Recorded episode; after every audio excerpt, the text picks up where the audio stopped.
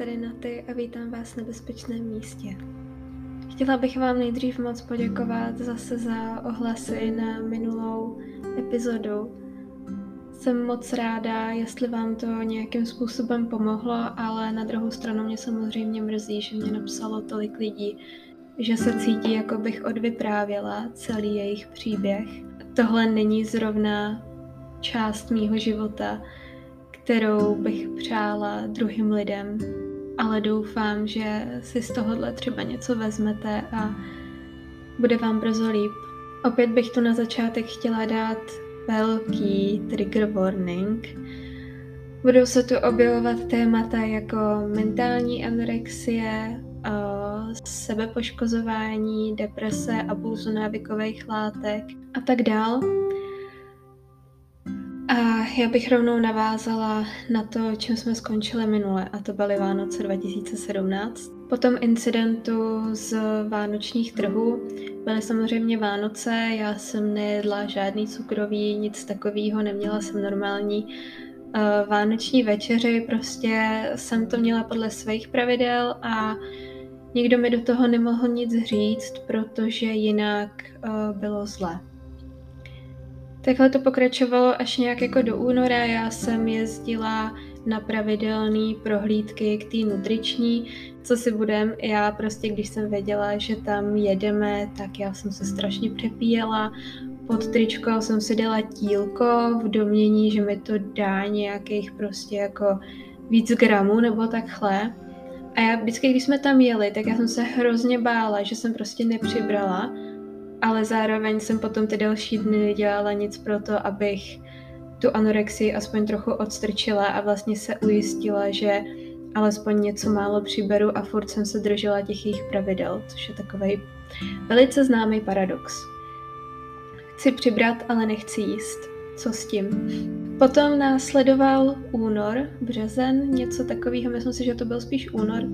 To už si úplně přesně nepamatuju a já jsem k ní přestala jezdit, protože jsme měli společně nějakou tříměsíční dohodu nebo tříměsíční jídelníček a tam jsem přijela a zjistili jsme, že od začátku jsem teda přibrala kilo a půl za tři měsíce, takže jsem měla nějakých 43 a půl Uh, já jsem to brala jako strašně velký úspěch uh, a musím říct, jako, že i rodiče a všichni, jako hlavně, že si nezhubla, pomalinku, sice jako strašně pomalu, ale pomalinku přibíráš a i já, i oni už jsme věřili, že to je jako za náma.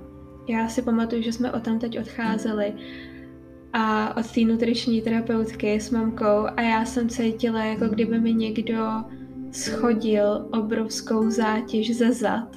A já jsem fakt jako věřila, že třeba tím, že to bylo první kilo nebo takhle, tak jako, že to je za mnou, že už jsem tohle překonala a že už to jako půjde. Ale to jsem ještě nevěděla, co nastane a že se propadnu do šíleného relapsu. My jsme přijeli ten večer domů a já jsem si paradoxně dala jednu z nejmenších večeří, který jsem do té doby měla, za tu dobu, co jsem jezdila k ní. Proč? Protože mi za zády už jako nikdo nestál, nemusela jsem se držet čísla od té uh, od té nutriční terapeutky, protože už na mě nedohlížela a já jsem se potřebovala zbavit té strašné úzkosti, kterou ve mně každý to její jídlo způsobovalo to bylo jako, já nevím, kdybyste seděli vedle, pokud máte fobii z pavouků, jo, tak si představte, že jste nuceni jíst svoji večeři a okolo vás sedí jako strašně moc tarantulí. A přesně takovejhle úzkostný pocit já jsem měla z toho, když jsem prostě měla jíst ty večeře jakoby uh, s těma počtama kalorií, který ona mi jako dala, uh, nutno dodat, že já jsem to tak strašně moc bojkotovala, to zvedání těch kalorií, že já jsem stejně nejvíc u ní uh, jedla asi 1400, což je prostě příjem jako dítěte mladšího o mnoho, než jsem byla já, tenkrát, když mě jako bylo 18. Ale i tak to pro mě bylo jako hrozně stresující, takže Místo toho, abych to řekla mm, psycholožce a řekla jí jako pojďme s tím pracovat, já tuhle úzkost nechci cítit a potřebuji jako přibrat a ono to jako nejde dohromady takhle, tak jsem se podřídila té anorexii a postupně jsem začala škrtat to jídlo. Jenže na druhou stranu už tam byla ta moje část, která fakt jako chtěla se uzdravit.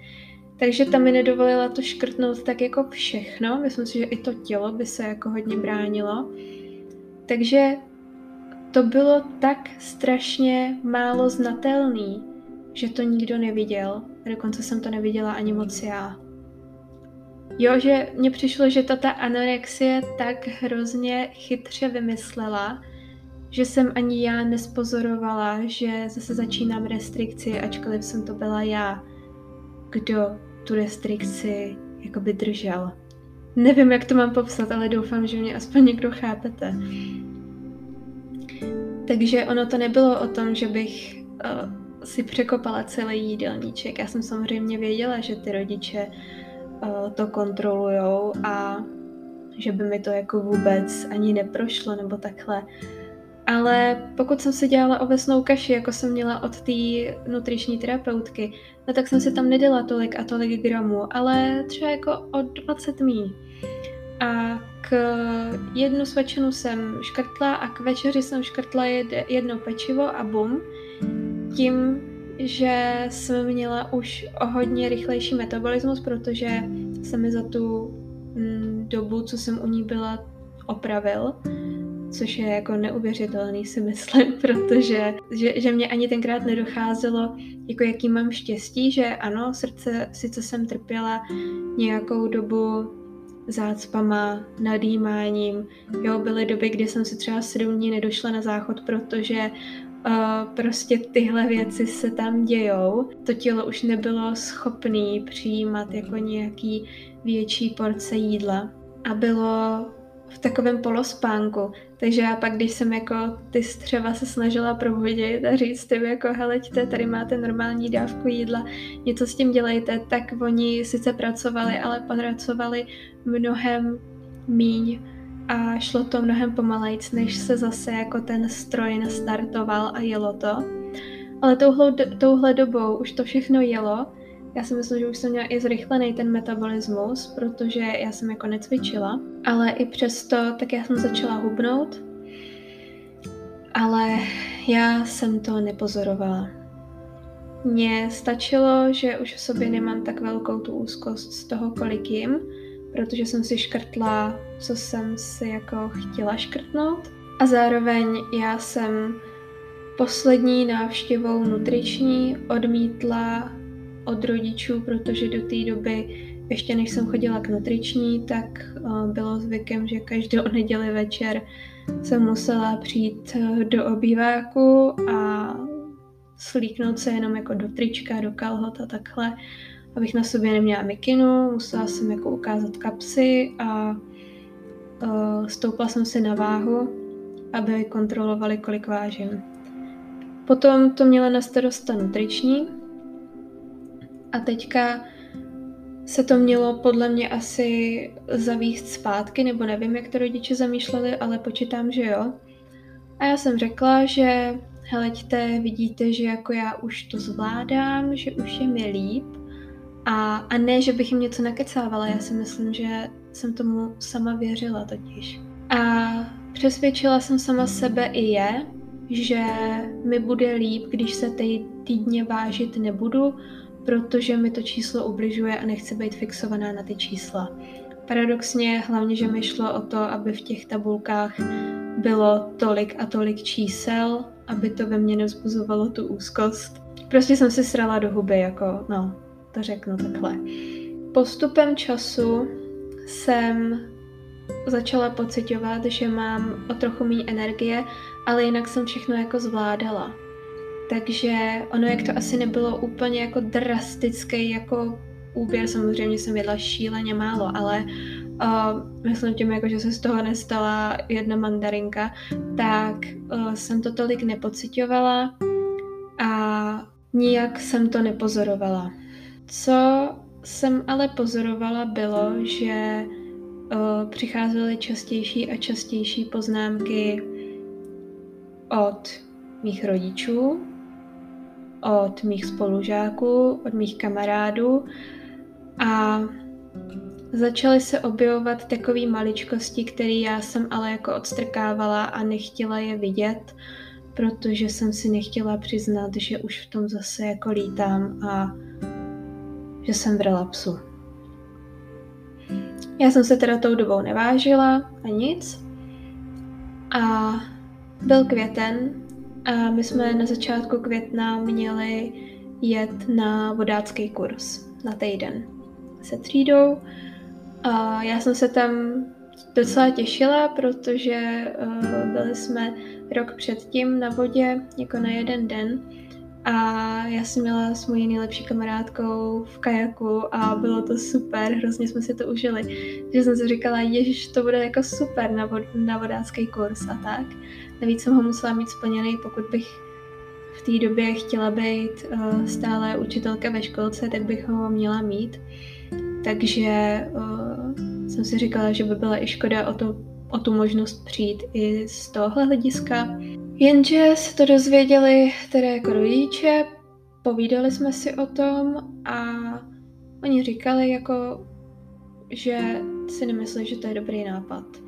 Jelikož teď vypadám ještě hůř, což jsem brala zase samozřejmě jako velkou urážku, protože mě bylo ve své podstatě dobře. Podle mě jsem jedla úplně jako krásně, ještě jsem na sebe byla pyšná podle mě a já jsem neviděla v tom zrcadle, jak doopravdy vypadám, k tomu se ještě dostanu, ale já jsem to neviděla, takže jsem myslela jako, že přehání, že prostě všichni zase na mě něco mají a takhle. A řekli mi, že pokud jim dokážu, že jako se tam budu schopná jako stravovat, tak OK. A pak se mě začali jako ptát, a tak co když tam prostě jako, já nevím, ti jde jako večeři s tímhle a tímhle. Říkám, no, tak to já nebudu jíst, já budu mít svoje. A oni, no a přesně v tom, jako vidíme ten problém, že ty, i když si tam dovezeš nějaký jako svoje jídlo, tak prostě to, ty to prostě nedáš. Fyzicky, psychicky ty to nedáš. Já jsem tou dobou nějak jako rezignovala na nějaký přemlouvání nebo takhle.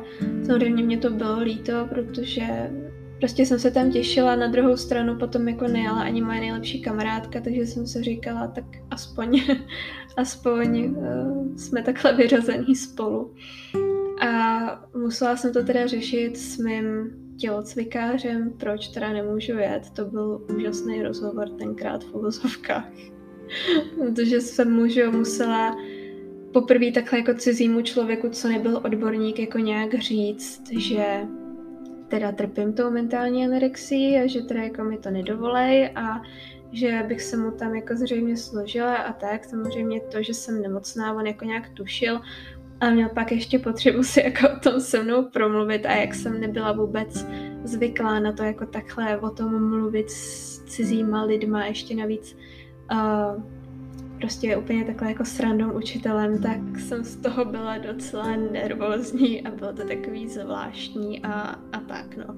Ale jako jinak on byl moc hodný, neměl jako žádný narážky nebo takhle, ale prostě mě to nebylo příjemný, protože prostě to bylo pro mě hodně citlivý téma a v té době jsem ještě nebyla stoprocentně přesvědčená, smířená a všechno tady to s tím, že to mentální anorexii trpím a tak jsem to tak brala, jakoby, že to je součást mé identity, ale vlastně není. Vlastně je to jenom nějaká vygradovaná reakce mýho jako okolí a ve své podstatě jako já nedělám nic špatného a takovýhle jako myšlenkový pochody. No zkrátka nejela jsem na ten vodácký kurz a místo toho jsem měla chodit na praxe na základní školu, jako asistentka, takže tam jsem chodila. To bylo náročný. Já už jsem tam cítila, že mm, opravdu jako ztrácím nějakou sílu nebo něco. Ty učitelky se mě tam ptaly, jestli jako je všechno v pohodě a takhle a já už jsem ani upřímně tenkrát jako moc nevěděla, no, že, že jsem cítila, že je něco jako blbě, ale už jsem nechtěla to znovu řešit. Já jsem si prostě řekla, že už to je uzavřený, že už to je za mnou. Svoje knutriční jsem si odchodila a prostě už to nechci řešit. Ale ono to takhle jednoduchý není. A dá to strašně moc práce. Po pěti letech tady sedím a říkám vám to tady na rovinu, dává to strašně jako práce. Ale k tomu se dostanu. Teďka se přesouváme k části, která je pro mě hodně citlivá a hodně je to pro mě hodně zvláštní o tom mluvit, protože já jsem o téhle další jako kapitole mýho života a, a přesně ještě jako o jednom zážitku z toho května neřekla nikomu nikdy. A nervózně jsem dneska tak jako rozebírala, jestli to tam mám vložit, nemám vložit, Každopádně je to v té knížce, ale teď jde spíš o to, to dát ven. První a třetí díl tohle podcastu, takový ten začátek a konec je takový pro mě trošku lážo plážo, protože jsem zvyklá, že už jsem jako o tom vyprávěla odborníkům a kamarádce a tak, ale tohle je něco, co ve mně zanechalo trochu trauma možná. Je to pro mě ponižující, upřímně.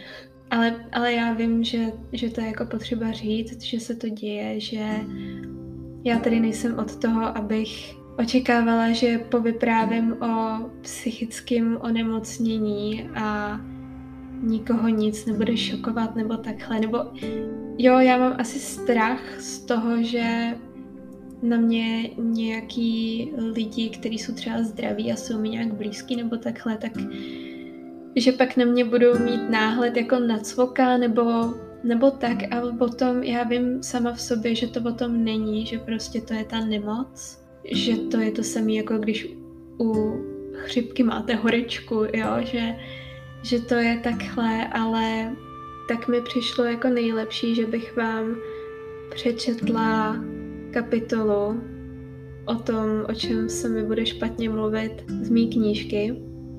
Takže doufám, že vám nebude vadit, že to budu jako číst a že to nebudu takhle jako autenticky vyprávět, ale já si myslím, že bychom se nikam moc nedostali, takže já bych se do toho za A zamotala, za druhý bych z toho byla hrozně nervózní, což jsem i teď, ale čtení utříděných myšlenek je pořád lepší než uh, mluvení z patra o něčem, co mi jako nahání strach.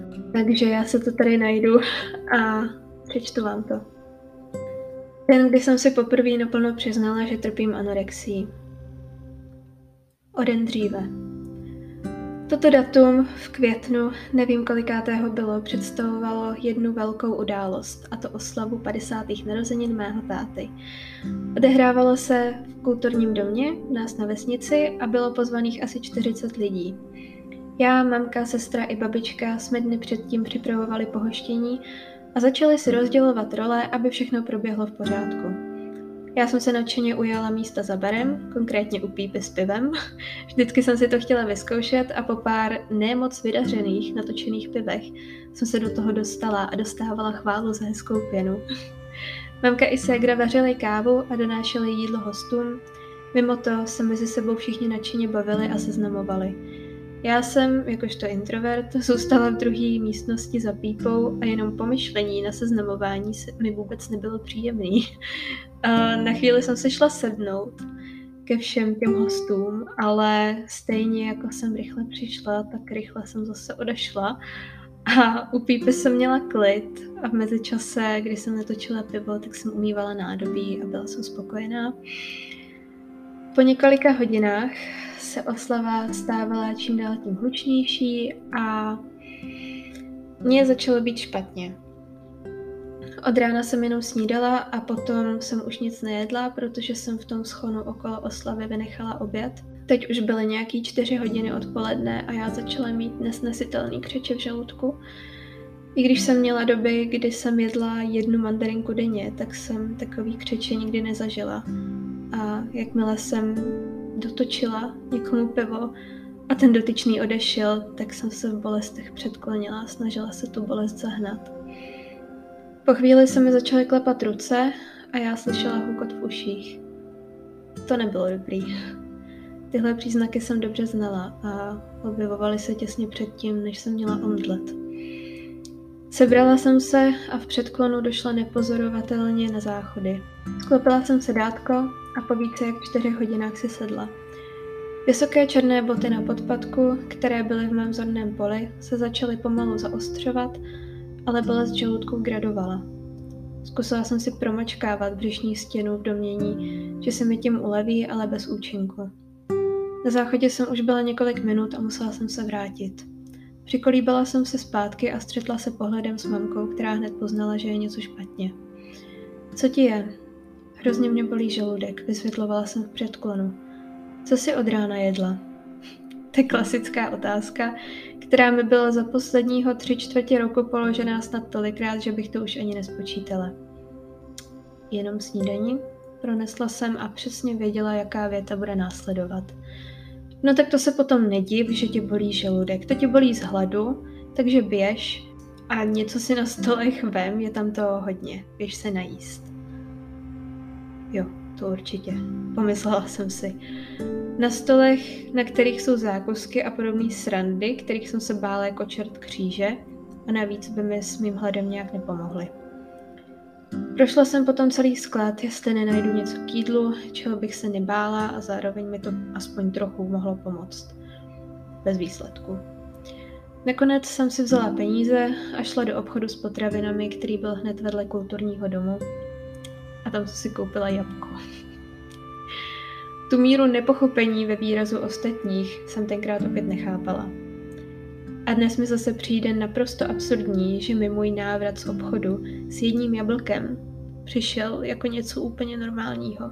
Jablko jsem snědla, ale křeče to nějak neutišilo. V předklonu a s roztřeseným tělem jsem vydržela do půl desáté do večera, kdy jsem poprosila, jestli už nemůžu jít domů.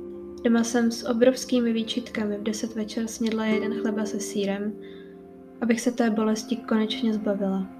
Po pár minutách po jídle se mi konečně udělalo lépe. Sice jsem byla nejvyčerpanější, co jsem si pamatovala. Bolely mě nohy z desetihodinového stání na deseticentimetrových podpacích, ale byla jsem pyšná, že jsem to zvládla.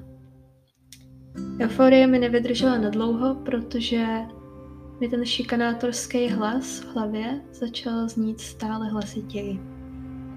Věděla jsem to. Věděla jsem, že se to stane. Už jídlo po sedmí hodině byl problém, takže chleba v deset večer bylo jedno z největších porušení pravidel. Snažila jsem se to ignorovat. Strašně, strašně moc.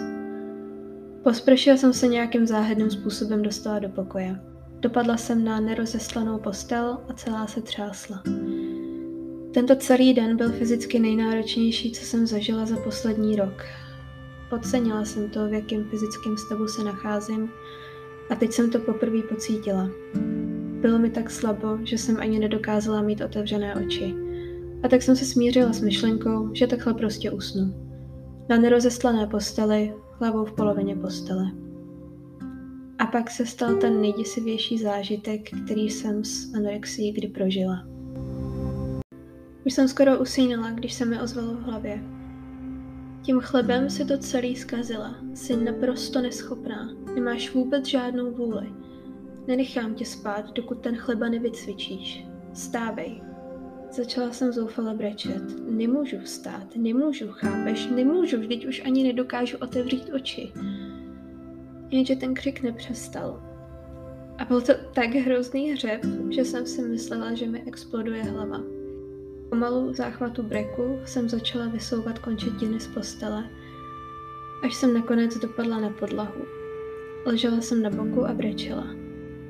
V hlavě se mi ozvalo, sedy lehy a dělej. Přivalila jsem se na záda a pak pomalu začala provádět cvik. Kostrč mi zarývala do tvrdé pohlahy a pokaždý, když jsem klesla při pohybu zpátky, jsem cítila bolest v celých zádech jak jsem páteří narážela na zem. 41, 42, kostrčí a páteří mi projížděla nesnesitelná bolest. Donutila mě vystřídat ještě několik různých cviků. Celá jsem se třásla a přemýšlela, kdy to už pro boha skončí. Tak fajn, stačí. Zaznělo mi v hlavě chladně. těmi slovy mi povolili všechny svaly a já se složila na zem. Srdce mi bylo jako zvon a já s otlačenými a sedřenými zády zůstala ležet uprostřed pokoje. Po tvářích mi opět tekly slzy. Teď už to ale nebyly slzy vzteku a strachu, ale zneužití. Cítila jsem se, jako by mě někdo po fyzickém zneužití nechal ležet na zemi a odešel. Jako loutka odhozená do krabice. Nedokázala jsem pohnout ani jediným prstem. Beznadějně jsem pohledla na mou postel, dva metry ode mě, a zůstala v této poloze několik desítek minut, než jsem v sobě nastřádala všechny zbývající síly a pak jsem se doslova doplazila k posteli, kam jsem přelezla jako malý dítě, co neumí chodit.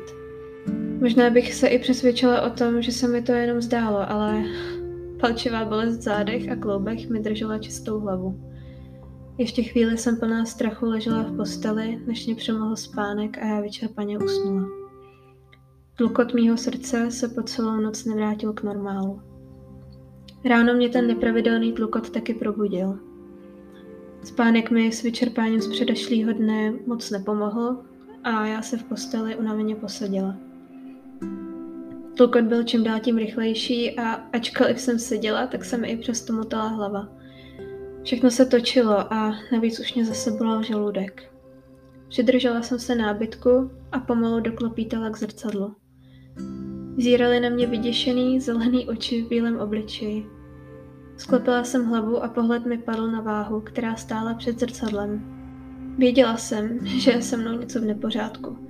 Nabízela se otázka, jestli je přeci jenom možný, že mi je poslední dobou takhle špatně kvůli tomu, že jsem zhubla, nebo moje tělo už zkrátka rezignuje a dostanu co nevidět infarkt. Tázavě jsem se podívala na odraz, jako kdybych se té holky ptala, jestli to mám udělat nebo ne. Na váhu jsem naposledy vkročila při mém vážení u výživové poradkyně. Hluboka jsem se nadechla, zavřela pevně oči a stoupla na váhu. Chvíli jsem stála a bojovala sama se sebou, jestli se mám podívat nebo ne. Otevřela jsem oči. A váha ukazovala 39 kg. Stála jsem na váze několik dlouhých minut, v šoku, bez možnosti se pohnout. Nechápala jsem to. Ta váha je určitě rozbitá, nemůžu vážit 39 kg. Proběhlo mi hlavou. Poté následovalo opakované stoupání a slézání z váhy, domění, že se na ní příště objeví pravdivý neskreslený číslo. Bez účinku. Ta informace se mi pomalu dostávala do mozku. Začala jsem zrychleně dýchat. V naprostém šoku jsem kopla do váhy a podívala se znovu do zrcadla. A najednou jsem se viděla. Růžový brýle definitivně spadly. To všechno, i ty vypadané vlasy a ten uštvaný výraz ve tváři. Konečně jsem pochopila, proč na mě všichni tak koukají. Proč všichni tak naléhají, proč kvůli mě brečí. Koukali, naléhali a brečeli kvůli tomu, protože jsem se pomalu zabíjela. Uh, tak, tohle máme za sebou. Já jsem od té doby cítila pořád ten strach a to znechucení z té noci a z toho rána, že jsem řekla dost a zakopla jsem váhu, smazila kalorické tabulky a chtěla se poprvé definitivně vyléčit, protože poprvé jsem definitivně věděla, že ty lidi okolo mě nekecají. Tím nechci, aby tady to jako tady vyznělo, že anorexii máte pouze, pokud máte 39 nebo takhle kilo. Není to o tom. Jenom vám říkám, že vlastně tohle pro mě byl jako ten wake-up call, ale uvědomuju si teďka zpětně, že i když jsem vážila přes těch 50 kg, tak ta anorexie už tam byla. Já to vím. A to, že doktoři diagnostikují mentální anorexii podle toho, jestli máte podváhu nebo podle BMI 17,5 nebo kolik, že si to vymysleli, to je sračka a já doufám, že to víte. Protože jestli trpíte nějakým toxickým jídelním návykem nebo prostě nemáte dobrý vztah k sobě, k jídlu a ale říkáte si, že nejste nemocný, protože nemáte podváhu nebo nemáte těch 30 něco kilo, nebo jste nebyli nikdy hospitalizovaný. Vyserte se na to. vážně prosím, moc prosím, vyserte se na to. Protože to místo, ve kterém jsem byla tu noc, nepřeju nikomu z vás a já neříkám, že to je na zdraví váze jednodušší. Je to o tom, úplně jako o tom samém, ale tady, tady jde potom už i o to poškození orgánů. Tady už jde o to, že prostě vám nepravidelně bije srdce a všechno tady to a tohle je potom o hodně těžší spravit, než to, když vám to tělo ještě jakž takž funguje. Jo. Takže prosím, neve, nevezměte si z toho nějakou špatnou message, tohle je to celý, jako co tím chci říct.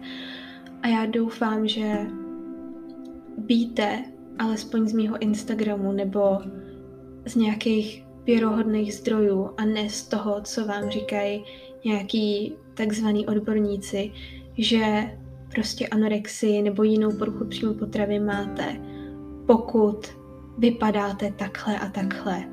Ta nemoc je psychická a potom se to teprve odráží na té postavě. OK?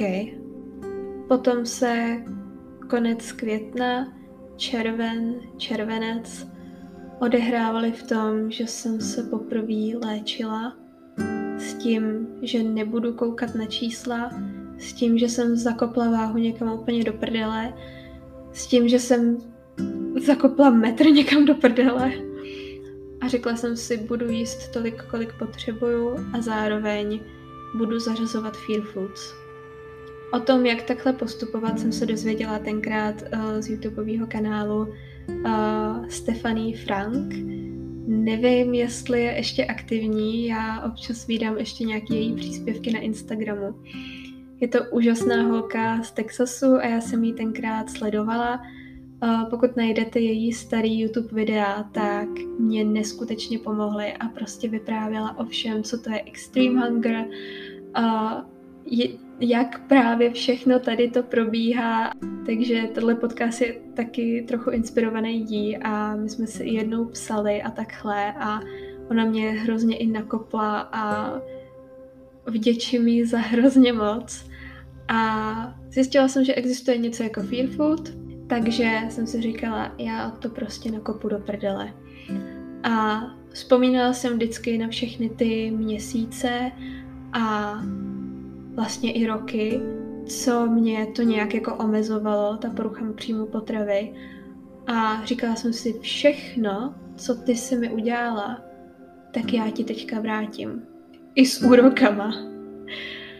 A samozřejmě, že jsem se bála, já jsem se strašně bála, ale to nasazení bylo větší než ten strach.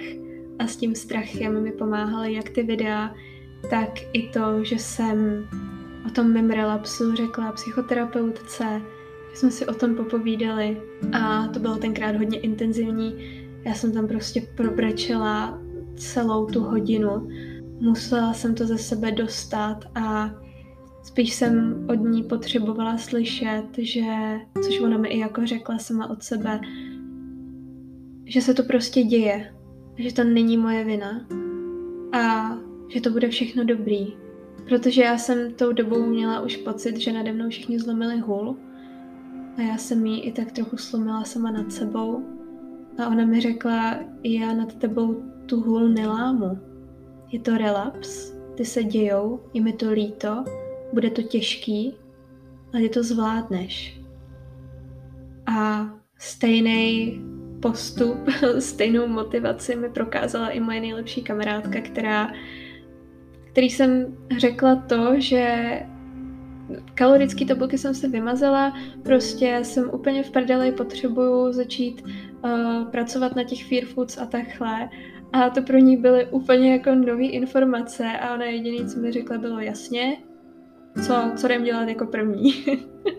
Takže já jsem jí říkala, hele, já se asi teďka třeba nejvíc bojím, protože na, to jsme jako dřív spolu jedli a to byl McFlurry z McDonaldu. Což je úplně random, ale jakože neříkejte mi, že jako na první fear food asi po roce to není jako dobrý výstřel. Já si myslím, že to je docela hustý. a ona řekla, jo, po škole tam zajdem a dáme si spolu. A to je jako pro vás jedno velké doporučení, ty fear foods, pokud se toho bojíte a nevíte, jak na to vaše tělo a anorexie zareaguje. Vemte si sebou někoho, kdo vás prostě podpoří. Já jsem se jí v hodně situacích i držela za ruku, i jsem tam nahlas diskutovala s tou mojí anorexií a řekla jí, heleď, uh, jako Týně, teda mojí jako nejlepší kamarádce Týně, tak jsem řekla, heleď, já, já si teďka s ní potřebuji promluvit a potřebuji jako nějak argumentovat, jako jestli ti to jako nevadí a takhle. Ona tam seděla a říkala v pohodě, úplně dělej si, co chceš, co ti pomůže, breč si, jestli potřebuješ, prostě udělej, co, co ti pomůže. Takže to byl její skvělý přístup. A mimochodem, já docela dost zvažuju, že bych s ní ráda natočila podcast o tom, jako jejím pohledu, spíš by mě jako zajímalo, jak, co by doporučila lidem, kteří jsou blízký člověku s poruchami příjmu potravy, jak jako vůbec ten nápor jako ona zvládla a takhle, podívat se na to z její stránky, dejte vědět, ale každopádně, abych se k tomu dostala. Takže Týna mě s těma fear foods jako pomáhala, vždycky mě buď držela za ruku, nebo mě tak jako nakopávala, že prostě když jsem začala argumentovat, že jako vlastně nemůžu, nebo takhle, tak ona mě jako nenechala couvnout. Jako nebyla na mě nikdy jako tvrdá, ale prostě uh, nebylo to takový, že bych se mohla vymluvit, což bylo skvělý. Takže já si pamatuju, že jsme tenkrát šli na to McFlurry pro mě to byl jako fakt intenzivní zážitek, když jsem se tam jako úplně z toho klepala a prostě připadala jsem si hrozně zvláštní, protože ty lidi okolo mě prostě jedli ty hamburgery a ty hranolky nebo taky to McFlurry a takhle prostě se normálně bavili a byli u toho úplně v pohodě. Já jsem to z toho vyšilovala, kdybych měla na ruce nějakýho jedovatýho hada nebo něco takového. Ale uh, s tou týnou jsem to prostě zvládla. Sice trošku s panickým záchvatem a skoro s brekem, ale zvládla jsem to. Od té doby jsem si takhle dala, jako že každý týden budu něco jako pokořovat. Jestli vy to tak máte, že to máte každý den, skvělý, úžasný. Já jsem to měla takhle, protože to pro mě bylo hodně náročný i z toho důvodu, že jsem třeba uh, na to byla povětšinou, um, že bych na to byla jako povětšinou ten den jako sama a já jsem se prostě cítila líp, když jsem začínala ty fear foods pokořovat uh, s tou týnou nebo s nějakým blízkým člověkem. Takže ona si se mnou vždycky jako takhle něco dala, nebo jenom čekala, až se něco dám, protože já jsem zase nechtěla být závislá na tom, že si to musíme dát spolu. Jako abych měla výmluvu v tom, jakože ten druhý člověk si to dal taky. Já jsem věděla, že v tomhle by mohl být problém, takže takže jako když chtěla, tak si dala se mnou, když ne, tak prostě jenom tam byla se mnou, aby, aby mi jako pomohla jako psychicky, jako podpora. Takhle to šlo a já jsem poprvé zažila prostě ten pocit úlevy, že ráno si můžu dát pečivo a můžu si dát klidně dva kusy, jestli chci a můžu jako jíst větší kvantum jídla. Samozřejmě se objevil extreme hunger, s čímž já jsem počítala, bylo to úplně jako v pohodě, snažila jsem se to přijmout. Když mi to nešlo, tak já jsem uh, už od nástupu k nutriční terapeutce, tak ona mi doporučila, ať zkusím dělat jogu a meditaci. Já jsem to zkoušela a většinou mi to jako pomáhalo. Hodně jsem se z toho vypisovala, hodně jsem to uh, konzultovala s mojí psychoterapeutkou a s tou týnou a prostě Snažila jsem se co nejvíc, abych to brala v klidu, ale samozřejmě tam byly nějaké jako panické ataky z toho a toho jídla nebo takhle. A s tím je prostě potřeba počítat a je to v pohodě. Hlavně je, jestli se prostě dostanete a to šlo, takže se říkala, dobrý. Teďka se dostáváme k další, k dalšímu milníku a to je, že byl srpen. A já jsem se teda nevážila, nevěděla jsem, kolik vážím, ale a bylo mi to asi jako i jedno.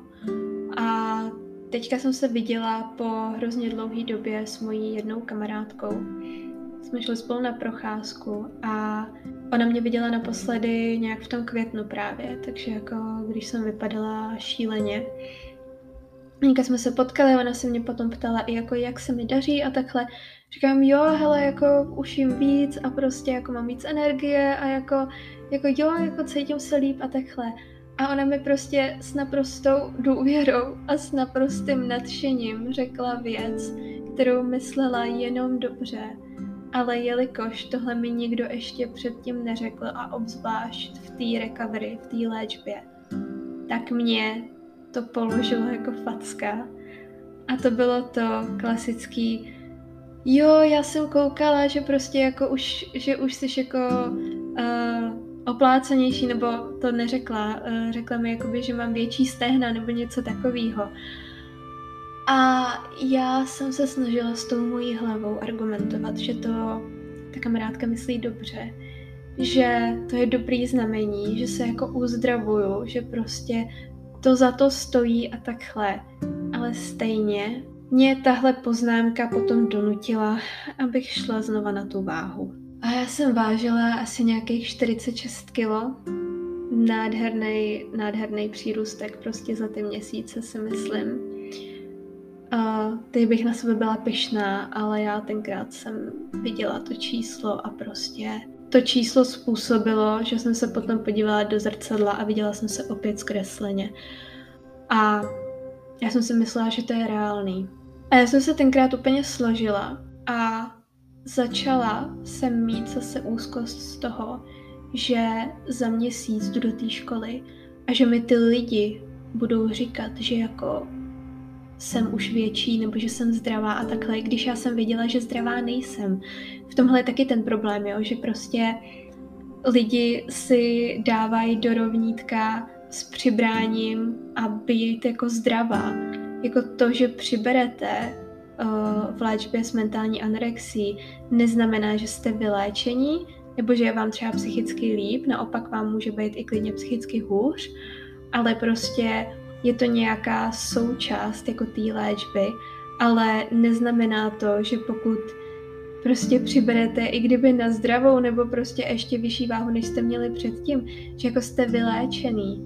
Prostě nejdřív se toho člověka musíte zeptat, jak se cítíš a takhle. A potom teprve jako nějak usuzovat. A nebo nejlepší je to mít jako podložený na tom uh, výroku toho člověka, co se léčí, jako jestli je nebo není na tom líp.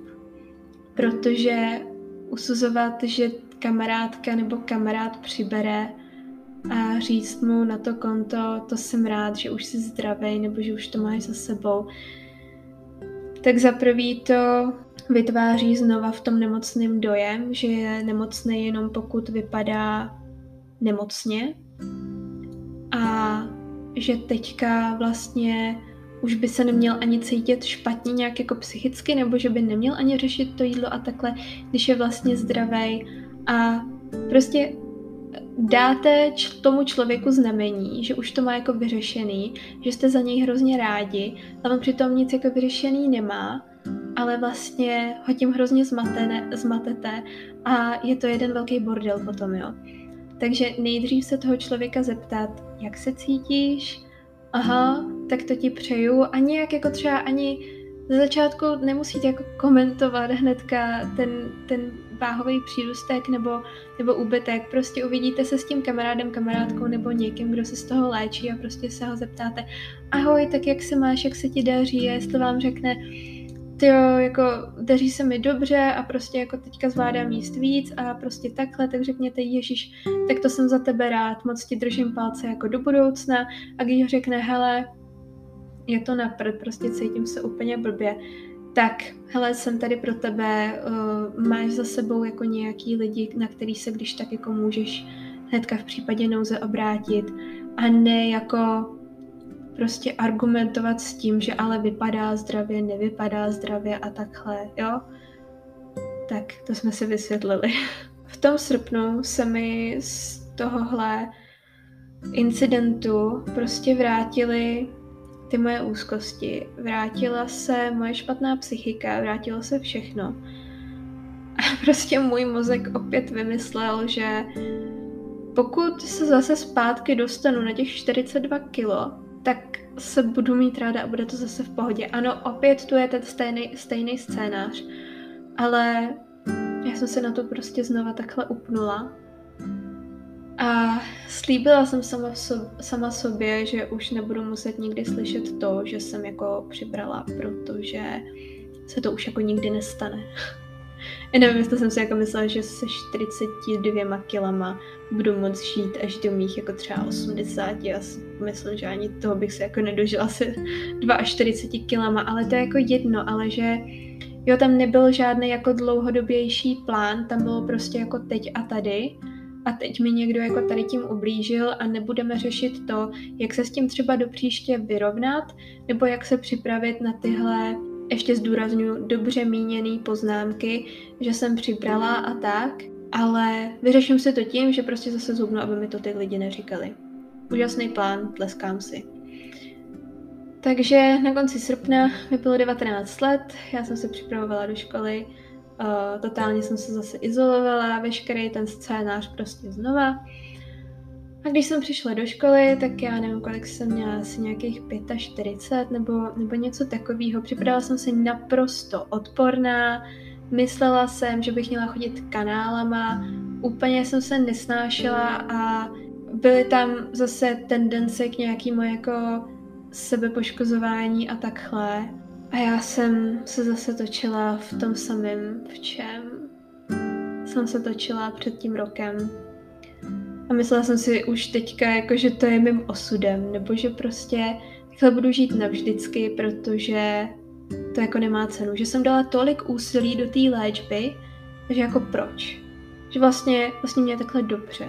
To, to je potom jako fakt rock bottom, no.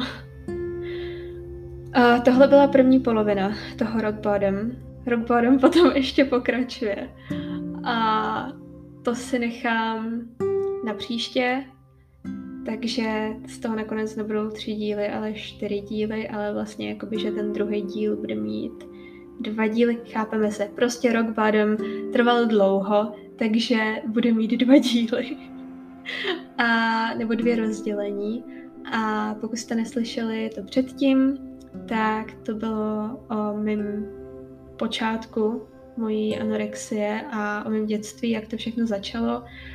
A po další epizodě Rock Bottom, tak potom bude už dobrý konec, nebojte se, nenechám vás v tady tom uh, špatným uh, zauzlování toho příběhu do nekonečna. Má to díky bohu šťastný konec a já se nemůžu dočkat, až vás tím tak jako naplním po takových dlouhých minutách a hodinách toho že to prostě šlo dokola a dokola, ale je důležité to říct, protože ne všichni jsou ochotní to říct takhle nahlas a já nemít tenkrát třeba tu Stefany Frank, tak bych se cítila hrozně sama a myslela si, že spoustu věcí není normálních, jako v té léčbě, nemyslím jako obecně, ale jako v té léčbě a myslela si, že je se mnou něco špatně, nebo bych jako odmítala něco říkat jako mojí psychoterapeutce, ačkoliv jsem jí neřekla o tom zážitku květnovém, tak prostě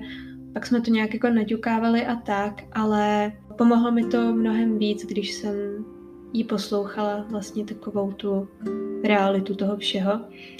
Takže doufám, že i takový efekt mají i tady ty podcasty a příště se dáme na druhý pokračování Rock Bottom a potom slibuju, že už bude konec a že, že se přeneseme do současnosti a já teďka mám opravdu dobrý vztah s jídlem i docela se sebou samotnou a se vším jako okolo, s pohybem a tak.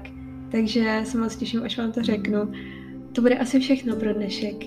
Takže děkuji moc za poslech když k tomu budete mít nějaké otázky nebo, nebo reakce, tak mi je pište tady nebo klidně na Instagram a tak. A uslyšíme se, uvidíme se zase příště. tak ahoj. thank you